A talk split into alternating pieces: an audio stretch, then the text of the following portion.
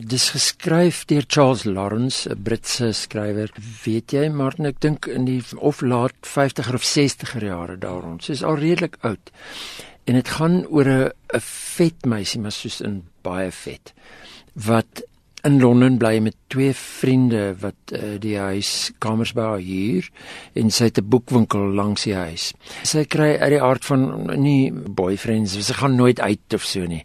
En dan eendag stap daar 'n man in op soek na 'n boek en hy raak so 'n bietjie verdwaal in die huis en hy loop per ongeluk in haar woonstel in in haar sitkamer gedeelte en toe uh, maak hulle kennis en hy vra haar daai aand uit en hulle gaan dan uit die aand en dis 'n wonderlike aand. Hulle geniet dit albei vreeslik baie, maar die volgende dag moet hy Iran toe gaan vir 4 maande se werk. Hy soek olie. En dan my karakter ooreed haar om in daai 4 maande gewig te verloor. En omdat sy so gelukkig is en die potensiaal het van 'n gelukkige verhouding byt sy vas en sy verloor baie gewig en so en so. En as hy terugkom, is sy mooi maar en seksie.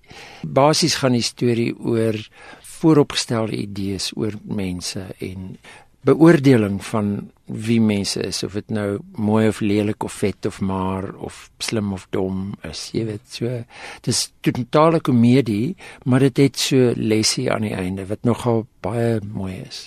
Hoe vind jy hierdie soort oordeel veral in ons samelewing en in die bedryf waarin jy is? Ja, weet jy, ek sien dikwels dat mense kan op verskillende tye, dit hang af wat die omstandighede is, heeltemal ignoreer. Jy weet. En ander kere kan dieselfde mense bitsig raak teenoor jy weet selfs anderskleuriges of so, jy hmm. weet dit dit dit het met alles in ons samelewing te doen. En en ons moet almal maar net al die tyd onthou dat dat ons almal eintlik een is en dieselfde is, jy weet.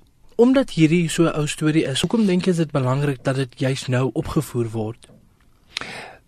Wel, ek dink nie daai vooroordeele wat die mensdom beleef verander genoegsaam nie. Jy weet, ek dink daar's daar's te veel mense op die wêreld en miskien is dit 'n selfbehoud manier om te sê jy's 'n Pakistani en jy hoort nie in hierdie land van my nie of so. Jy weet, ek dink inderdaad word um, diskriminasie word erger. Dit raak nie beter nie. Wat is vir jou lekker om so 'n toneelstuk op te voer?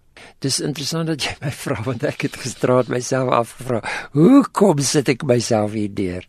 Maar jy weet, as die toneelstuk eers vlot verloop en die gehore geniet dit. Dis wonderlik om daar voor te staan en iets te doen en die mense se lag spoel soos 'n brander oor jou. Dis maar energie, jy weet. So dis baie vreemd die repetisies is altyd baie moeilik want daar is nie 'n gehoor nie en die paar mense wat daar is lag soms wat lekker is maar as daar 'n klomp mense is is die energie baie anders en dan is dit voel asof dit nie ek is wat dit doen nie dis ons almal saam jy weet en dink jy dat dit belangrik is dat daar meer Afrikaanse werke opgevoer word ek dink dit is fantasties wat Kosie Smit by die teater reg gekry het en hy het Pieter Turin se arm gedraai om dit toe te laat, jy weet. Ek hoop regtig dit is suksesvol want hy het ongelooflike goeie stukke daar opgevoer. Mm.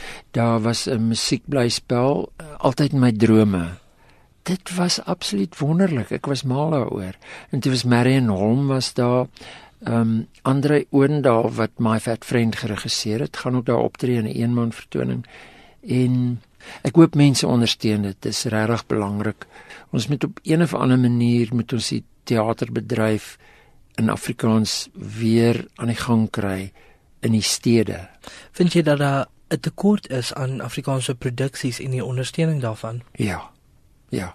Die ondersteuning by die feeste is baie goed. Daar's baie min ondersteuning in die stede en daar's baie min produksies in die stede. Ek dink dit sal fantasties wees as dit weer kan groei. Ek dink is baie belangrik dat teater deur mense gesien word.